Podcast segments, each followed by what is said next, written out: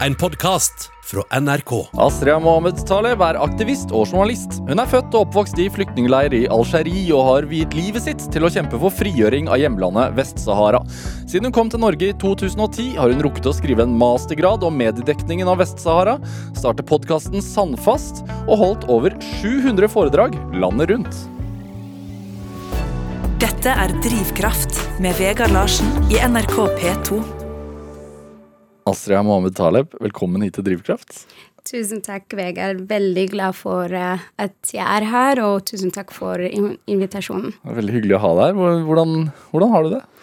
Um, Vegard, dette spørsmålet så kan jeg svare på på to forskjellige måter. I Vest-Sahara så å hilse er veldig viktig. Så vi kan bruke minst fem minutter på å hilse. Okay. Så blir det hvordan går det med deg, Vegard, med kone, med barn, har du dyr? Hvordan går det med kameler og geiter og sånn? Så må du svare på hver. Og så i Norge, når folk sier 'hvordan går det', ja. så for, no, for, noen uker siden så skulle jeg booke et foredrag. Så jeg ringte den som var kontaktperson. Jeg kjente henne jo fra før, så jeg sa 'ja, hvordan går det?' Så sier hun 'det snør' ja, og jeg måtte tenke, jeg måtte skifte fra min sahrawi-måte å hilse på til den norske. Og så sier jeg ja, det har ikke vært mye snø her i, i, i, Oslo. Så hvis du spør hvordan går det med det, går bra med meg og familie og alt. Så hvis du spør om været, så det snør ute. Ja. ja. er det hvor, hvor, bratt er den læringskurven fra å gå på det derre hvordan har du det, og, og dyrene dine og familien, til å, til å At man slutter? At man slutter. ja, det kan ta lang tid. Ja. Og hvis du virkelig ikke deltar Fordi det, det, høres faktisk nesten at vi ikke hører på hverandre. Det blir sånn 'Hvordan går det bra?' samme tid. Så mm. på et tidspunkt det stopper. Da begynner man å servere te eller mat. Ja. eh, men du, du kom akkurat, eller før helgen, da, så var du i Valdres. Mm. Uh, uka før det så var du i Inderøy og Trondheim, og uka før det så var du på Stord og i Bergen. Mm. Jeg veit at du neste uke skal til Tromsø. Mm. Er det, hva er det du driver med i alle disse norske byene? ja, uh, jeg føler meg så heldig uh, og takknemlig for at jeg opplever et vakkert land som Norge, ja. men ikke minst veldig hyggelige og veldig altså, hyggelige folk som eh, nordmenn. Men jeg er der til for å fortelle folk om eh, mitt land. Eh, fortelle folk om hva som skjedde i Afrikas siste koloni, og det er Vest-Sahara. Ja, Afrikas siste koloni, ja. Mm. Er det, hvor, hvor, er det du forteller altså hva, For eksempel nå når du var i Valdres, hvor var du da? Eh, så var både skole og det var folkehøyskole. Men uh, vanligvis så snakker vi med det er også ungdomspartiene i Norge, mm. eh, fagforening. Um, altså basically alle norsk Vi prøver å nå alle norsk samfunn. Um, I Norge så er faktisk alle politiske partier, særlig ungdomspartiet, er enige i at folk i Vest-Sahara må få rett til selvbestemmelse. Mm. Ja. For det er det, det er det det handler om. Ja, altså Vest-Sahara Jeg tror de fleste i Norge kan ikke peke på Vest-Sahara på kart. Nei, altså for å være helt ærlig, altså jeg tok en sånn uhøytidelig undersøkelse i Drivkraft sin lille redaksjon. Mm. Um, hva folk visste om Vest-Sahara. Ja. Det var forsvinnende lite. Uh, man visste at, uh, at det er i, i nærheten av Kanariøyene. Mm. Uh, mange av oss har vært på Gran Canaria. Ja. Men eh, Vest-Sahara veit man ikke så veldig mye om. Altså, det, Den opplevelsen som du hadde nettopp med her mm. på jobb, eller blant dine kolleger, du er ikke alene i det. Um, ingen uh, vet om uh, Vest-Sahara. Jeg ble født og oppvokst i disse heroiske flyktningleirene. Jeg var, var vant til folk som kommer fra hele verden folk som kan se blonde ut, som folk fra Skandinavia f.eks. Um, folk fra afrikansk union, også fra, fra afrikansk land. Mm.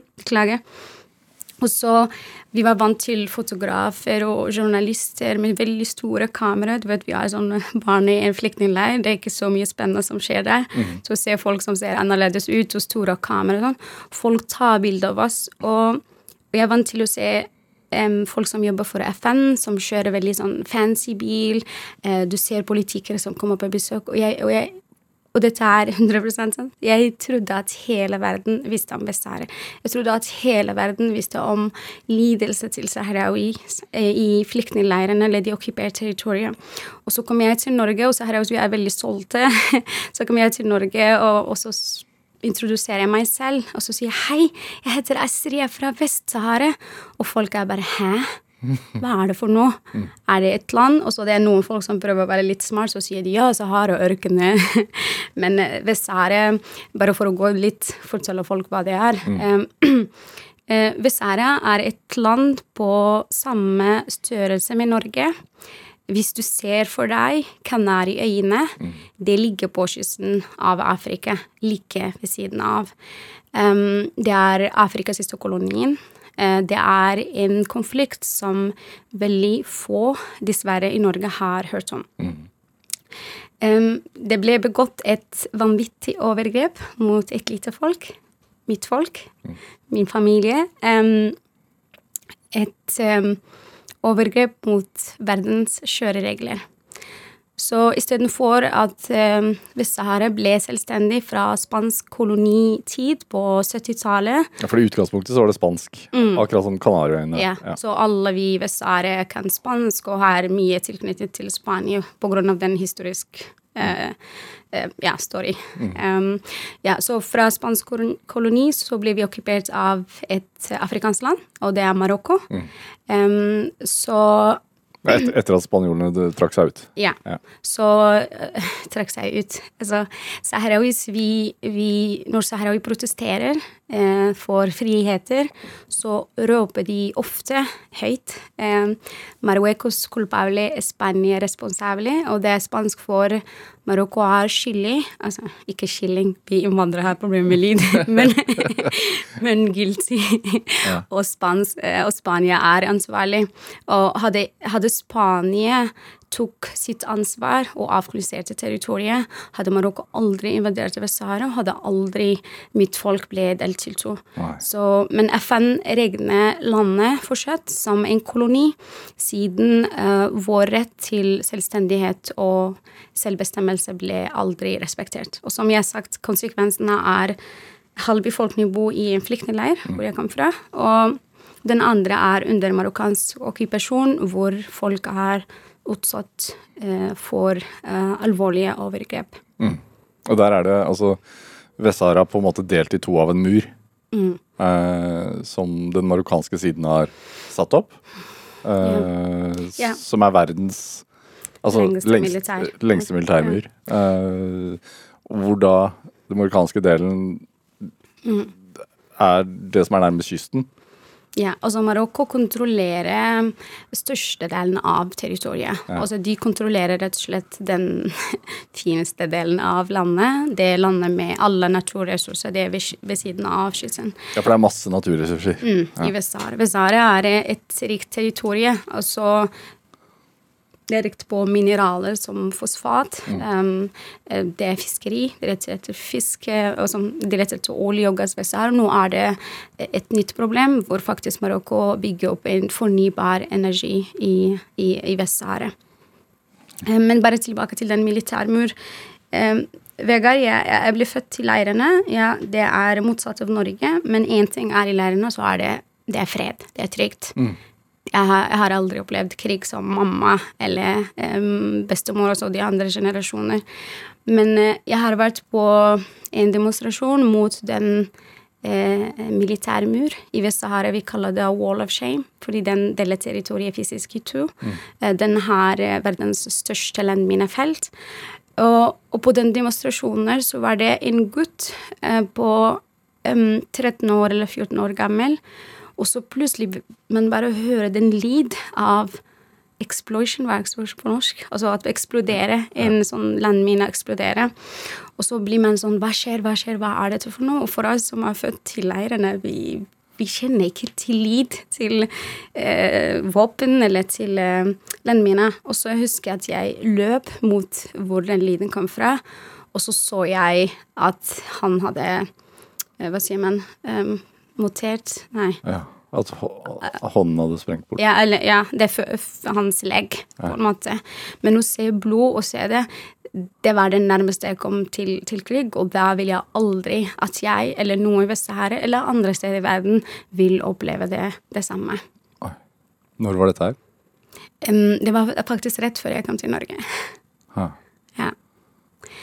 Men um, ja, men så eh, veldig, som jeg har sagt, veldig takknemlig at uh, vi sitter og snakker om dette her. Jeg, jeg mener ikke Altså jeg skal ikke pushe at alle skal bry seg om Vest-Sahara eller engasjere seg. Det hadde vært kjempefint. men jeg føler at det er som en av mine gjester på min podkast sa det, det er hjerteskjærende at folk ikke vet hva som skjer i Vest-Sahara. Mm. Um, så jeg føler at min plikt uh, er å få informasjon ut, og da kan folk velge uh, hva de skal gjøre med det. Men først, rett og slett, det er mangel på informasjon om Afrikas siste koloni. Det er jo uh da du kom til Norge, så skrev du jo etter hvert en, en masteroppgave på, på Universitetet i Oslo mm. eh, om eh, dekningen av altså Vest-Sahara i norske aviser. Mm. Eh, det er ikke så mye. Nei, Hva fant du, da? Jeg skal spare det tid. uh, og så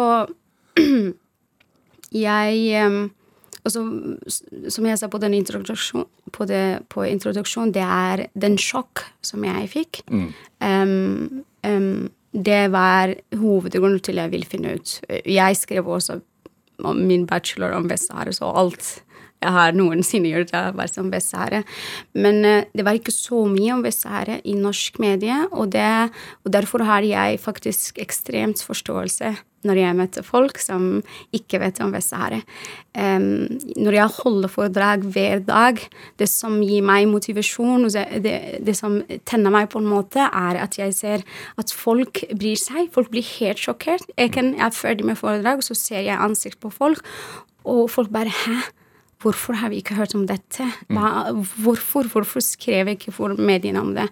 Så norsk medie altså vi må være ærlige. I norsk medie generelt så er det ikke så mye om internasjonale spørsmål. Eh, men det er ekstra usynlig når det gjelder Vest-Sahara. Så norskmediene de skriver Vegard, eksempel, hvis du reiser fra, til Vest-Sahara og blir du kastet ut. Så jeg, jeg googlet deg, du har Kjærsborg? ja, riktig. så det kan hende den lokale um, jeg, jeg, liker I like to do my homework. Men det kan hende den lokale, lokale avis i uh, i Sarpsborg skriver om, om, om Vest-Sahara, men det blir mest om deg. sant? Mm. Vegard fra Norge, fra Sarpsborg, reiser til Vest-Sahara sammen med Heidi. Eh, de, sånn. Det blir mye om dere, lite om um, Men en annen ting, um, og er mye, mye om næringsliv. Norge er et land som er kjent for shipping, mm. og det er særlig når man ser fra eh, Norgeskysten, altså fra nord til sør, er veldig involvert i Vest-Sahara. Og det er jo kjempebra at mediene skriver om det. Og Norge har veldig bra politikk når det gjelder fordi norsk UD Eh, de fra røde selskapet å drive business i Vest-Sahara. Så det er kjempebra. Men igjen, det er bare en befaling. Så det er mange selskaper som er involvert, likevel involvert i Vest-Sahara. Så at journalister plukker det opp, det er veldig bra. Men det er veldig vanskelig å selge sak som Vest-Sahara. Mm.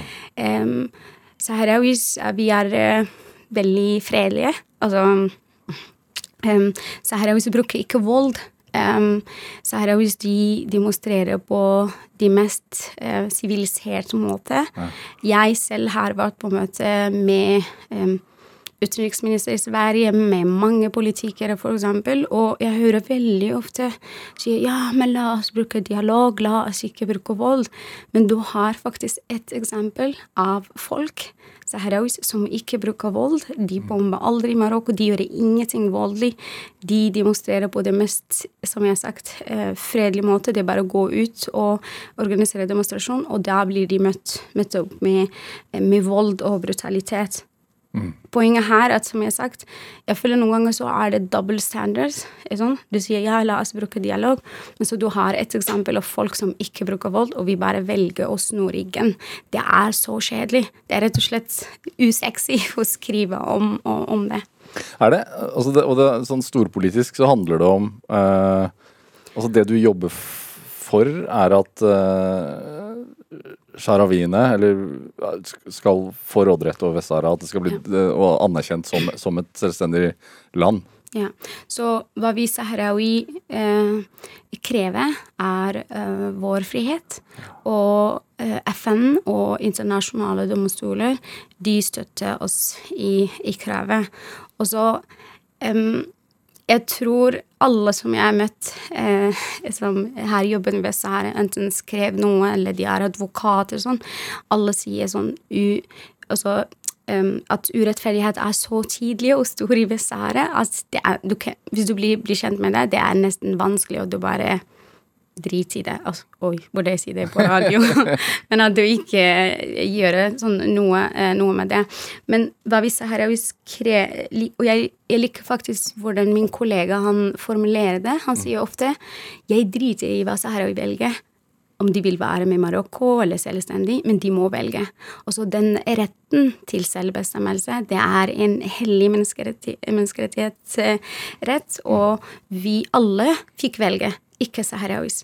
Og det Vegard, hva som er frustrerende for meg og for de som jobber ved Sahara, at verden um, velger å holde munnen. Også land som Norge, eksempel, de velger å være veldig tidlige på eh, når Russland i Ukraina. Og det er jo kjempebra, det er kjempebra, men de velger å se en annen vei når det gjelder marokkansk okkupasjon i, i Vest-Sahara. Hvorfor er det sånn, tror du? Godt spørsmål. um, jeg tror um, det, kan, det kan handle at um, Norge vil ikke gå i konfrontasjon med Marokko. Um, Marokko er et veldig viktig land for Europa generelt. Det er et veldig viktig nabo. Um, Marokko kontrollerer immigrasjon. Altså immigrasjon er kjempestort viktig tema for Europa. Jeg føler at hvis det er én ting Europa vil ha minst av, det er immigrasjon, så er Marokko her Marokko spiller det kortet eh, mot, eh, mot eh, Europa. Mm. Mm. Men i Norge det er veldig rart, fordi jeg mener at regjeringen burde være tydelig. Fordi alle politiske partier i Norge, som jeg har sagt før, de er enige i at eh, hvor eh, folk må få rett. Mm. Altså de, de er veldig bra politikk, og det må bare regjeringen følge eh, hva politiske partier mener. Mm. Og så er det vel sånn at altså, Frankrike eksempel støtter vel den marokkanske siden i dette her. Mm. Ja. Eh, og så er det en del nasjoner som ikke velger å ta side, og så er det en del som anerkjenner eh, saharawienes rett til sitt landområde. Ja. Og det, det, som er viktig, at FN ser på det som en koloni, det som er viktig, at det er over 100 FNs resolusjoner som støtter saharawiene rett til selvbestemmelse. Mm. Um, det som er veldig rart i Vest-Sahara, at det finnes en um, peacekeeping mission, MINURSO, som er eh, fredsbevarende styrker Vest-Sahara, og som ikke har mandat til å overvåke og eh, rapportere om menneskerettighetssituasjonen i Vest-Sahara. Så saharawis de kan bli banket opp for en FN-person, og den personen gjør ingenting. Og det er på grunn av Frankrike. Frankrike har en sterk posisjon i FNs sikkerhetsråd. Frankrike har, eh, har en sterk posisjon også i EU. Mm. Og, men på en måte kan uh, tenke seg et løsningssitte hos Frankrike, faktisk, fordi det er Marokko, Frankrike som er Marokko nær uh, allierte. Mm. Du jobber jo for støttekomiteen for Vest-Sahara. Hva, hva er det dere gjør? Ja. Um, men kan uh, Vi Støttekomiteen for, uh, for Vest-Sahara er en liten forening. Uh, vi er en norsk organisasjon. Det er meg, det er en annen ansatt. Og en slags To ansatte? Ja. ja. Jeg sier ofte i mitt, mitt, foredrag det er både inspirerende, fordi vi er en liten organisasjon som vi får til mye. Vi prøver å få Vest-Sahara til å være synlig mm. eh, i norsk politikk. Um, vi jobber mot selskapet, norsk næringsliv som er i Vest-Sahara. Um, så jeg sier det er både sånn inspirerende, fordi vi får seie hele tiden. Um, mer og mer selskaper de vet at de burde ikke være i Vest-Sahara. så, så sier jeg jo samtidig det er deprimerende. Fordi eh, du har en liten organisasjon som jobber mot eh, store apparater, både sånn statlige eller Jeg mener som Marokko, eller de bruker sånn HR-byrå for deres Ja. men ja, vi jobber for å påvirke stater, regjeringer, partier, eh, selskaper for at de griper inn og gjør noe i, eh, i, i Vest-Sahara. Mm. Så vi holder foredrag, det er én del. eh, at man sånn med, med informasjon. Eh, og så vi er i daglig kontakt med menneskerettighetsforkjempere, f.eks. i, i Vest-Sahara.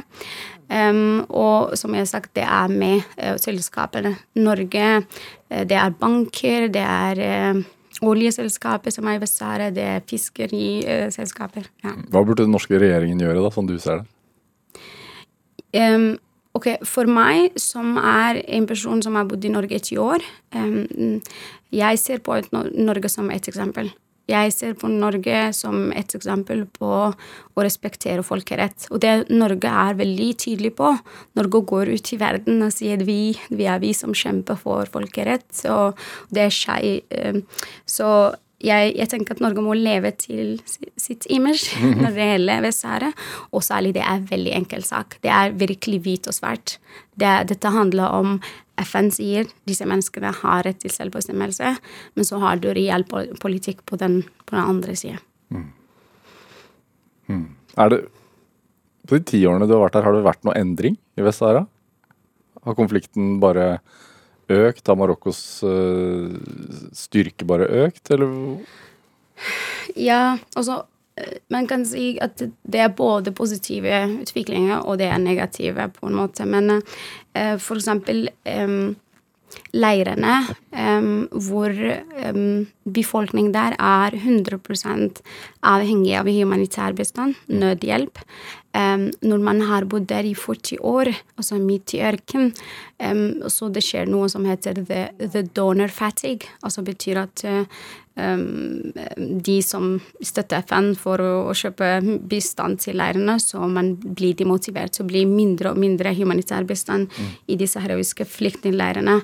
Um, I det okkuperte territoriet blir menneskerettighet og overgrep bare verre og, og, og, verre. Hva vil jeg si? Mm? Hva, hvordan da? Altså også, det er, er politiske fanger i Vest-Sahara som er dømt til livstid i fengsel. Um, det er um, Saharawis For eksempel nå så sitter en menneskerettighet for eksempel, fra Vest-Sahara.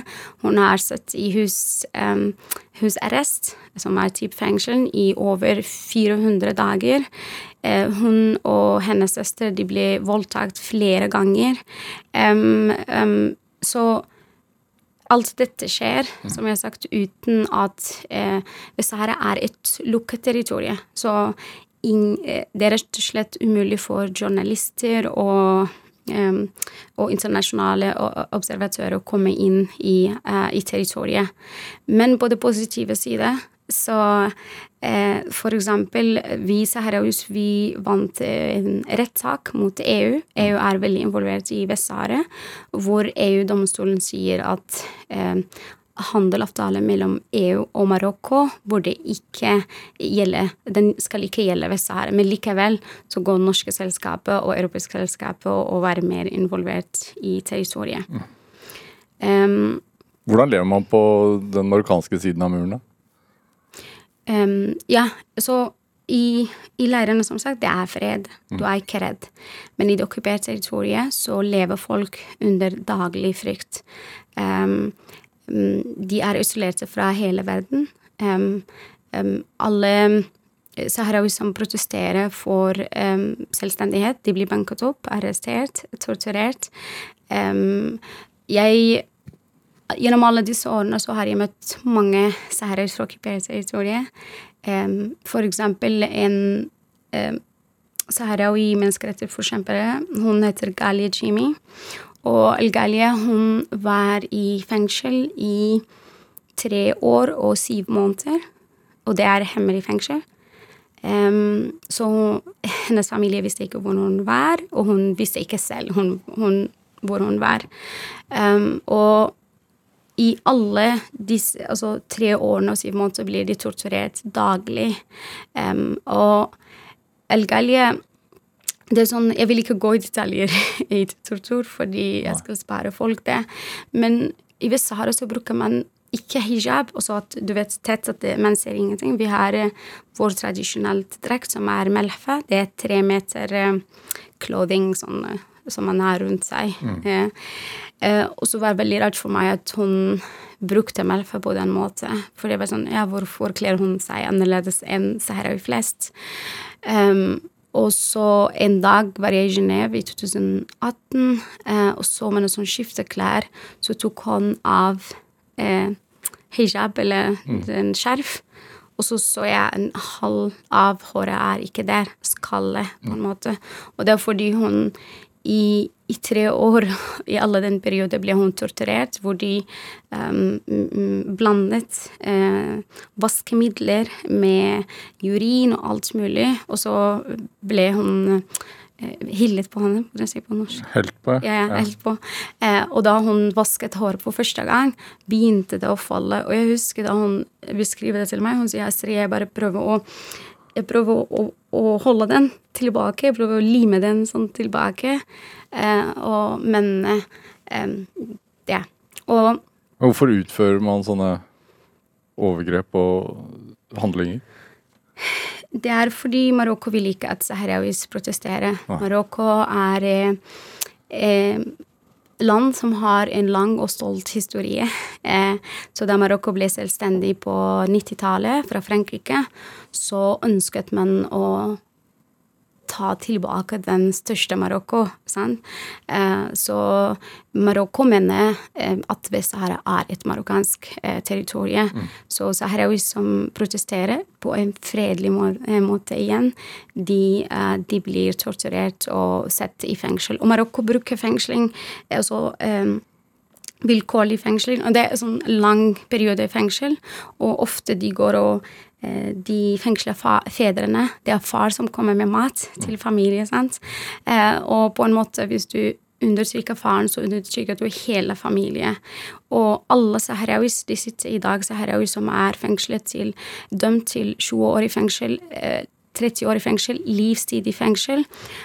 Og, og de eneste bevis som politiet har mot dem, er ti altså innrømmelser som politiet har fått gjennom tortur. Altså jeg forklarer sånn at en, en saharawi blir arrestert, mm. eh, så blir han torturert for mange dager, mens det sitter en annen politimann på et annet rom og sitte ned og skrive falske anklager. At uh, den politiske fangen er leder av eh, kriminell gjeng, terrorist, og så blir brukt den senere mot, eh, mot falske tilståelser. Ja. ja. Så det, det, er ikke bare de som sitter i fengsel som lider, men det er deres familie. Alle saharawiske politiske fanger, de er fengslet utenfor Vest-Sahara, så i Marokko, så det er et annet land. Eh, de er fattige familier som ikke har penger til å reise hvor mange eh, hundrevis av kilometer. Mm. Eh, bare til når de kommer i fengsel, så sier politiet nei. Dere kan ikke komme inn i dag. Mm. Mange, vet du hvor mange politiske fanger det er? Altså, eh, nå kan jeg ikke gå i Men den gruppa som jeg nevnte, som er uh, dømt til 20 år i fengsel, 30 år i fengsel, det er 25 stykker. Mm. Og de, de, ble arrestert av at de var på en fredelig um, på en fredelig måte. Mm. Uh, Astrid Mohammed Tare, vi, vi, skal spille litt musikk. Vi skal få en litt annen stemning. Mm -hmm. uh, du har med en Kari Bremnes-låt. Ja. Er du nord? Ja. Hvorfor det? um, um, altså jeg hører på den veldig eh, når jeg er i Nord-Norge. Uh, jeg, jeg bor i Norge, jeg er veldig glad i Norge. Men også den sangen den minner meg på det landet som jeg skulle ha vært i, og det er Vest-Sahara. Men også det er et fantastisk tekst. Så den, den sangen minner deg om Vest-Sahara? Ja. ja. Selv om det doesn't make sense. Men det gjør det. Skal vi høre?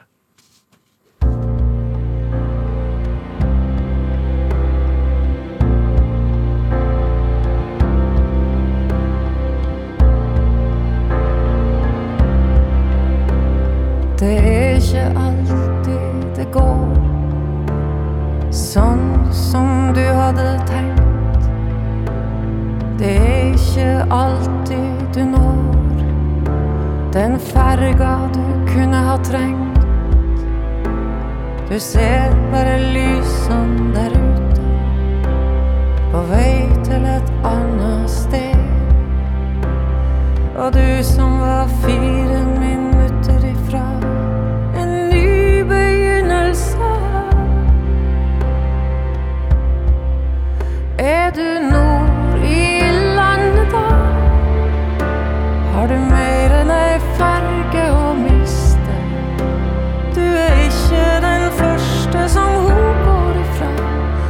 du blir ikke heller den siste.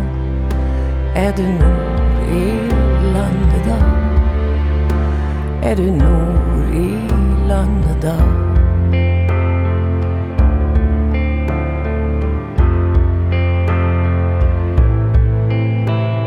Ser ikke sol i desember.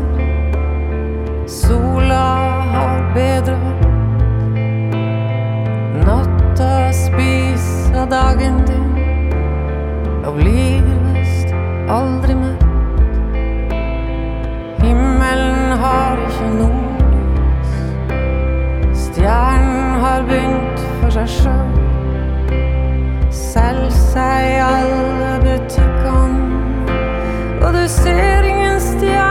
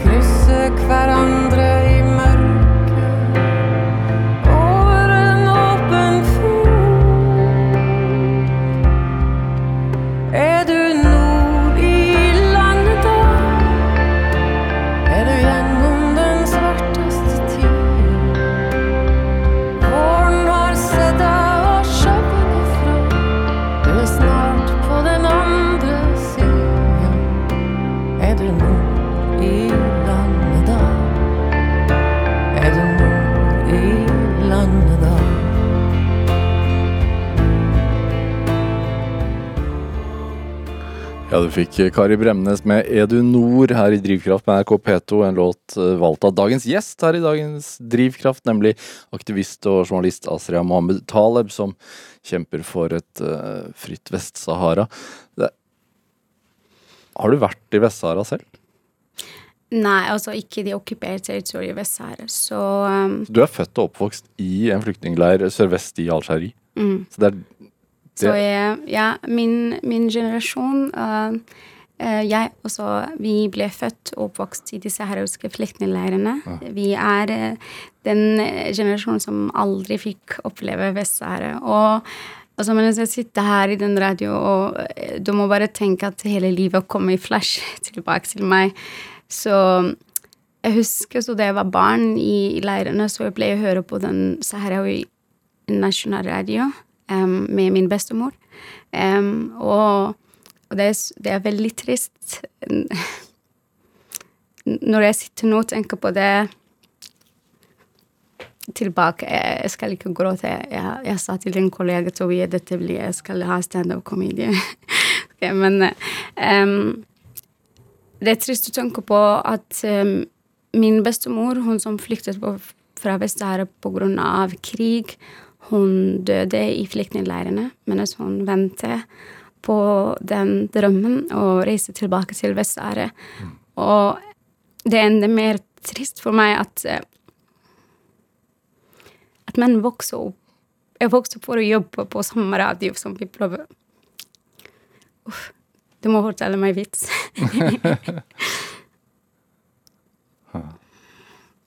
Men eh, ja, at eh, vi pleier å høre på radio, så vokste jeg opp til å jobbe på samme radio. Og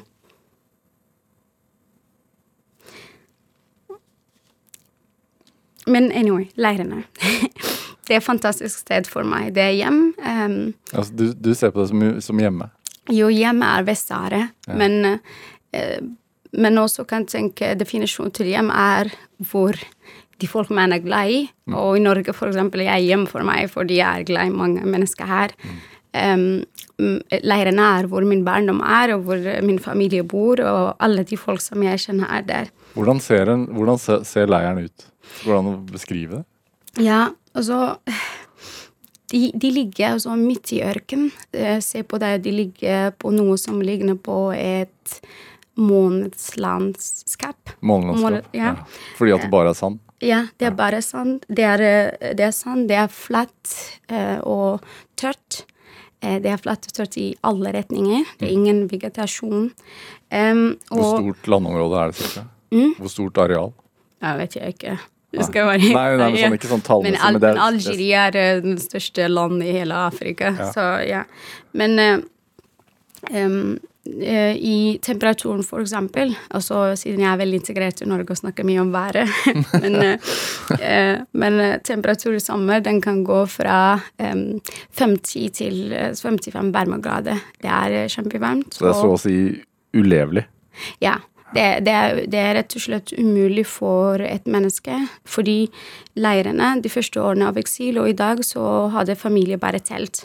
Så jeg vokste opp i telt, og, men temperaturen kan bli altfor varmt. Um, som jeg har sagt, man kan ikke bo der. Og, og du må tenke også tilbake at disse flyktningleirene de skulle være midlertidig løsning. Um, aldri mamma eller bestemor som døde, de hadde aldri tenkt at de kom til å bli der mer enn veldig kort periode. Så plutselig et år ble til ti år, ti år har blitt til over 40 år. Så de begynte å bygge opp eh, små hus i leirene. Det er eh, det er veldig små til en veldig høy nordmann, eksempel, klarer å komme inn i døra. Eh, de er lagd av leire. Det er mye sand og vann. Jeg kaller dem små hus, men for meg det er helt vanlige hus. Men jeg vet hvordan de fleste i, eh, i Norge har det. Og så må man tenke at det er trist eh, at uansett hvor mediene skriver om flyktningleirer eller flyktningkrise, det er veldig lite om disse herauske flyktningleirene. Tross for at det er 200 000 mennesker som bor der. Og så 200 000 er helt avhengige av humanitær bistand, som vil si at Ja, for det er umulig å gro mat. Nei. Så alt vi får gjennom andre, gjennom FN-system, og det er nød, nødhjelp.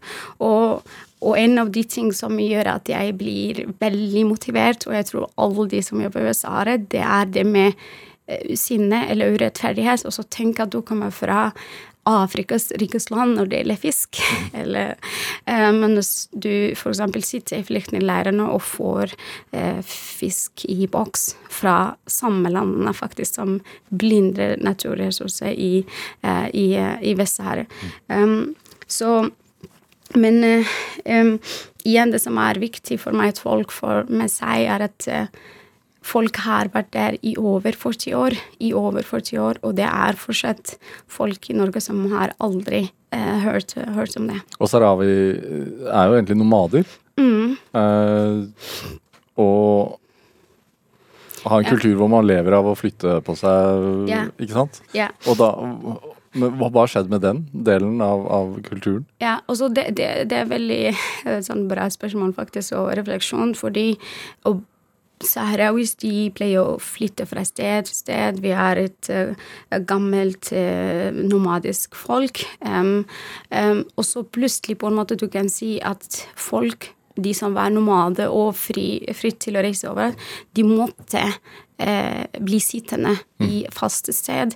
De måtte adaptere nye måter å, å leve på. Um, um, så det, det også påvirket ikke bare den humanitære siden, men også den kulturelle eh, måten å leve, å, å leve på i, i Vest-Sahara. Hvordan er en vanlig dag? I leirene. Ja.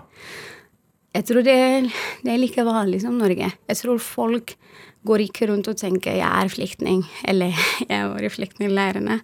Men jeg tror med en gang du er utenfor leirene, så du ser den intens Det blir for intens. Uh, um, forskjellene blir for store, mm. eksempel. Så det å komme til Norge, det var som å komme til annen, en annen verden. Og så alt er annerledes. I, I, leirene så er det sommer, så er det mangel på vann. Ikke bare det er nok vann, men det er kvalitet til, til vann. Um, hvis du ser at jeg ler når jeg smiler, så de mine uh, tre-fire tenner, føretenner, så har jeg gull på dem. Gullfarge. Og det er ikke at de er råtne i det hele tatt, men det er på vann som jeg drakk hele livet, og som mamma hadde mens hun var gravid på meg. Um, så det er mangel på vann, og så kommer man til Norge, og så er det vann overalt. eh, og så er det um, Alt er brunn i leirene. Det er ikke noe feil med brunn. Jeg er brunn. Fin berger. Men det er sånn mye, som jeg nevnte før, mye sånn tørt Eh, sand og sånn. Så kommer man til Norge, og da er det grønt. Mm. Eh, så når jeg holder foredrag, så Valdres, hvor jeg var, kjempevakkert sted. Så jeg, jeg, er veldig ærlig med dem, så, eller på vei så tenker jeg herregud, hvordan hvordan kan jeg forklare til en person som er født f.eks. i Lofoten og har bare sett eh, vakkert Norge, hvordan kan jeg gjøre det sånn relatable, mm. sånn at de kan forstå hvordan er det å bo i uh, en flyktningleir. Så bare tilbake til uh, daglig. Det er uh, Jeg tror folk lever normalt, prøver å Men får vann matdistribusjon hver måned, mm. hvor du får, og det er mest tørrværer. Så man kan på en måte føle seg mett, men den har mye det det er masse helseproblemer i leirene som er tilknyttet matkvalitet. Det er 70% av kvinner har NMI, det er jernmangel, mm. og det er faktisk vanlig til og med i Norge her. Men uh, hvis man ikke får den behandling eller tabletter som man trenger, så det er faktisk veldig farlig for kvinner, mm. særlig gravide, gravide kvinner. Um, så, og det er 90% av barna i leirene har en acceptable diet. Uh, men igjen, jeg er ikke her til å fortelle da altså, uh, statistisk, for jeg føler at folk kan google det. Men igjen, det er det som påvirker daglig måte til Sahara, og så er det å vente og vente og vente, og vente, og det skjer ingenting. Og vente på hva? Eh, på løsning. Å reise tilbake til, eh, til Vest-Sahara. Men er det Du fikk studere og sånne ting? Så det er skole, og, er, og, og ja. folk er i arbeid, eller delvis i hvert fall. Ja. ja. Det, jeg, jeg, fikk studere, og det er jeg veldig veldig takknemlig for. Fordi eh, å komme til Norge, og så er jeg veldig engasjert interessert i andre steder i verden. Og så fikk jeg faktisk lære at ikke alle flyktninger i verden har tilgang til skole. Så for meg å, å gå på skole um, har jeg faktisk tok det for gitt, fordi jeg tenkte jeg selvfølgelig Dette er et selvfølgelig. Alle har eh, De som styrer leirene, de var virkelig smarte for å fokusere på utdanning. Um, hvis du ser på saharawi befolkning under spansk koloni, det var mange alfabeter. Mm. De gikk ikke på skole. Um, så de alle gikk på, på skole. Både um, det er gutter og jenter som har tilgang eh, til, eh, til skole. Så leirene på en måte har to statuer, hvis man kan forklare det. På en måte det er en flyktningleir, og det er en humanitær situasjon. Mm. Den andre siden så er det stat i eksil. Det er et, sta, et sted hvor vi saharawiske bevarer den saharawiske identitet, den saharawiske kultur. Mm. Um, og, og, vi har faktisk um, um, alle institusjoner som man trenger i uh, Som man har i Norge, som Stortinget, vi har Saharawi-parlament, uh, vi har valg. Uh, så det er veldig, veldig organisert, og det er faktisk veldig imponerende. Og, og man kan si det er organisert fordi det er kvinner som organiserer det. Kvinner har veldig sentral rolle i, i Vest-Sahara. Um, og ja, ja. Hvor viktig er det altså, i forhold til det? Altså, det, det er Eh, et styre, at det er en skolegang. Hvor viktig er det for at man har klart å ivareta identitet og, og kultur? Altså, jeg på skole, for eksempel, vi har vår egen pensum. Eh, vi eh, Men på en måte kan man kan si at jeg fikk den vilje til å kjempe i morsmål, i morsmelk, på en måte. Um, eh, i, I de okkuperte territoriene, f.eks. Vest-Sahara, heime Klarer du å si he? Heim, heime? Heime, ja. Det er telt. Og telt er veldig viktig kulturell symbol i Vest-Sahara. Um, uh, I Vest-Sahara vi er For eksempel man sier Norge, det er typisk eh, norsk å være god. I Vest-Sahara vi sier det er typisk saharawi å være eh, gjestfri. Altså, ja. Og så vårt telt i leirene har faktisk fire dører. Alle kan komme inn. Eh, hvis du vegrer mister buss eller noe, det er ikke mye buss i leirene, men hvis du mister buss, du kan bare komme inn. Og det er veldig rod, altså uhøflig. Hvis du kommer inn i huset mitt, det er veldig uhøflig om jeg sier 'hvem er du', hva vil du? Du må bare begynne å servere vann og, og te og sånn. Eh, men sånn, den teltet er veldig viktig. Også i det okkuperte territoriet Vest-Sahara, så Marokko tillater ikke saharawier å bygge det opp, fordi de vet dette er kan samle sahara, ja, ja. Og dette kan samle saharawier. Hvis de samler seg, dette kan føre til demonstrasjon. Fordi de er saharawier, de får ikke møte hverandre. Det er ulovlig å organisere seg. Eh, det finnes noen skilt i det okkuperte territoriet med bilde av telt hvor det står ikke ikke, ikke eh, bygge opp telt. Og i leirene så studerer vi altså det med Vest-Sahara og alt. I det okkuperte territoriet Vest-Sahara Marokko, Marokko har vært i Vest-Sahara i over 40 år. Mm. 40 år så har de ikke bygget opp et eneste universitet. Så saharawi-studenter de må reise fra sitt eget land, Vest-Sahara, for å studere i Marokko. Ja. Og det er målet fra Marokko er det mar marokkanization av saharawis. At de tar dem fra den saharawis identitet og prøver å ble, de smelte Melte, smelte, mm. ja, i den marokkanske uh, identitet. I leirene. Og så og de prøver å pushe marokkansk historie, marokkansk dialekt. Eh, um, Sahrawis vi snakker hasaniye, som er en slags uh, arabisk dialekt. Mm. Så i leirene vi får bevare det. Det er hva vi snakker. Vi, og så har vi mange kulturelle aktiviteter for å beholde det ved Sahara. Hvorfor, hvorfor reiste du til Norge? Um, det var faktisk helt tilfeldig. Um, jeg kom i et Eh, utvekslingsprosjekt. og så senere eh, fant jeg mulighet til å studere. Jeg studerte eh, selvfinansiert. og, det, det, hadde jeg aldri klart uten støtte og hjelp av en norsk familie i Oslo, som er min egen familie i dag. Så jeg hadde ikke faktisk klart å ha den utdanning uten eh, At jeg klarer å studere i Norge uten at jeg får den støtte, eller får bo helt gratis med en norsk familie. Hvordan fant Fant du de da, eller hvordan ja. fant de deg? De er, altså, de er veldig Folk som er også veldig opptatt av hva som skjer i verden. Engasjerte i spørsmålet. De studerte i internasjonal skole, så deres datter, uh, Nina, hun reiste som frivillig til flyktningleirene. Hun, hun, integrerte seg veldig godt i USA-samfunn, og hun jobbet som en engelsk lærer, lærer der. Mm. Så vi Det var en måte at vi ble kjent på. Mm. Og de selvfølgelig, det, som jeg har sagt, de, de, er de er veldig opptatt av hva som skjer i verden, inkludert også Vest-Sahara. Men hadde du, altså det, Da du reiste hit for ti år siden, eller tolv år siden, noe, hadde du tenkt at du skulle være her så lenge? Um, nei.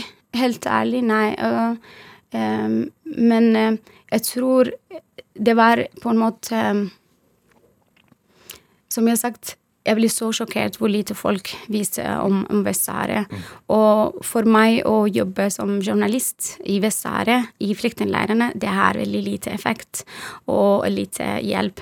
Um, og så Jeg bodde i Bergen, og um, i, i, Bergen så er det en Rafto-stiftelse Rafto-stiftelsen, ja. ja. Veldig bra folk, veldig bra organisasjon. Og Rafto i 2002 ga pris til en sahrawi. Han, han, Man kan beskrive han som Mandela Nord-Afrika. Han satt i fengsel um, for um, 20 år i fengsel, ja. hvor uh, ti år av det var um, han, han var dømt til døden. Kan man si det, til døden. Eh, og så etterpå ble det eh, om, omgjort til livstid i fengsel.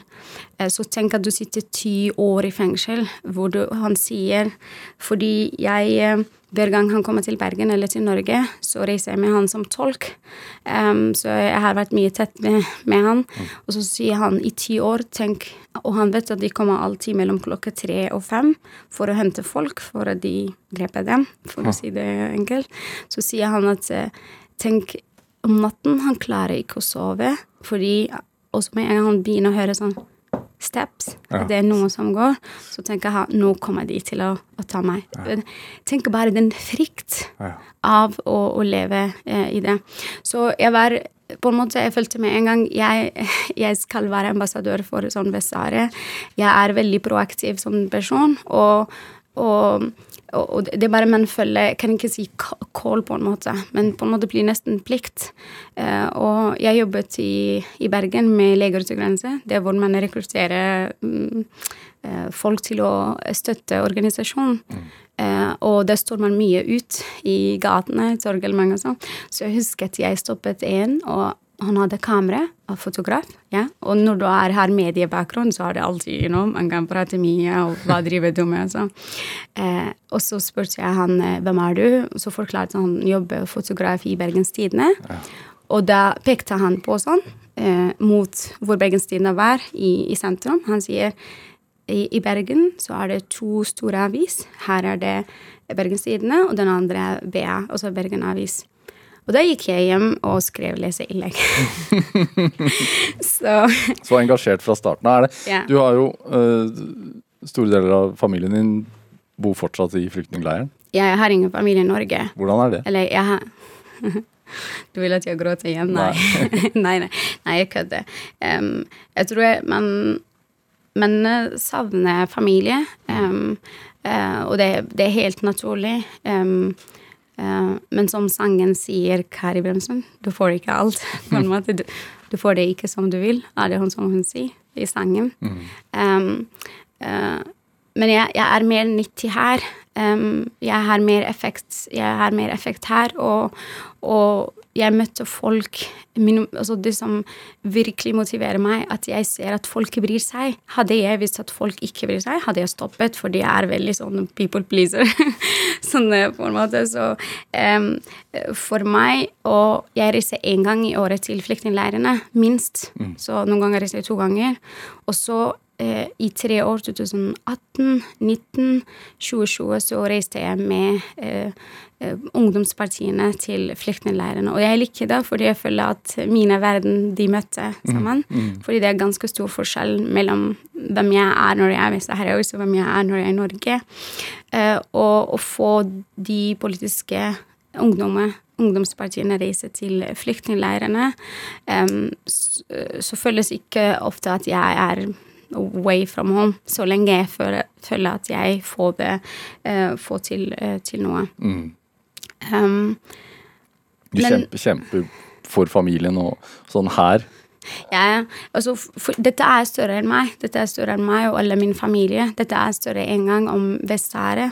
Dette handler om urett. Dette handler om eh, et lite folk, som jeg har satt som eh, de er helt usynlige. De er helt ignorert av internasjonale samfunn. Um, så det kan hende om Vest-Sahara blir selvstendig, at jeg blir boende i Norge, eller at jeg flytter til Sri Lanka eller sånn. Men eh, jeg skal ikke stoppe for Vest-Sahara blir, um, blir, se- selvstendig, eller ja. Det er også derfor du har holdt over 700 foredrag. ja. Du blir ikke sliten av det. ja. Um, i, det, I det store svaret for det spørsmålet er nei, jeg blir ikke det. Men uh, i det veldig ekte og sånn, ja, jeg blir det imellom. Um, jeg var i, som du nevnte på introduksjonen, jeg var i Trøndelag, og det var veldig dårlig vær, og jeg alltid må trille en kjempestor koffert. Kofferten, det er ikke mine klær. Jeg tar med meg veldig lite klær. Jeg vet du har med deg telt ofte også. Ja, ja. Så jeg kommer til telt nå, men sånn trille sånn 20, lit- 20 mm, eh, kilo med brosjyr og sånn, og så begynner jeg å tenke ah, God, nå er jeg veldig lei. Eller you know, jeg forbanner, forbanner alt, meg selv og Vest-Sahara og sånn. Men med en gang står jeg foran folk og begynner å snakke, så er det pff, Alt er borte. Og det, er, det handler om den respons som man får. Folk bryr seg. Og, og jeg blir så lei når jeg, man ser i offentlig debatt eller folk snakker å, folk ikke bryr seg, folk er egoistiske og sånn. Men i min hverdag så er det annerledes. Jeg ser at folk, de bare trenger informasjon. Hva tenker du er Altså, drivkraften din er jo helt tydelig her. Hva, hva, hva, tenker, altså, hva er drømmen din som du, som du tenker er oppnåelig? det som er oppnåelig Jeg tror at um, det er at sahrawis de får mulighet til, til å, å, velge over sin egen eh, fremtid, og jeg føler at det er oppnåelig. Um, det er håp. Folk som sitter i leirene eller okkupert territorium, de vet ikke at Vest-Sahara er ukjent. Uh, og jeg vil ikke ta fra dem det håp, fordi hvis du tar håp fra folk, så har de ingenting faktisk å, å leve for videre. Astrid Mohammed Taleb, tusen takk for at du kom til Drivkraft. Hør flere samtaler i Drivkraft på nrk.no eller i appen NRK Radio. Der har du en oversikt over alle programmene våre lett tilgjengelig. Du kan også følge oss på Instagram på NRK Drivkraft. Der har du en bildeoversikt over alle som har vært gjest i Drivkraft. Du kan sende oss Eh, ris og ros og tips til mennesker som du syns har drivkraft. Den e-posten kan du sende til drivkraft, krøllalfa, nrk.no, og vi hører veldig gjerne fra deg. Produsent i dag var Heidi Andersen. Tobias Brynildsbakken Huse bidro med research. Dette her var Drivkraft. Jeg heter Vegard Larsen. Vi høres. Du har hørt en podkast fra NRK. Hør flere podkaster og din favorittkanal i appen NRK Radio.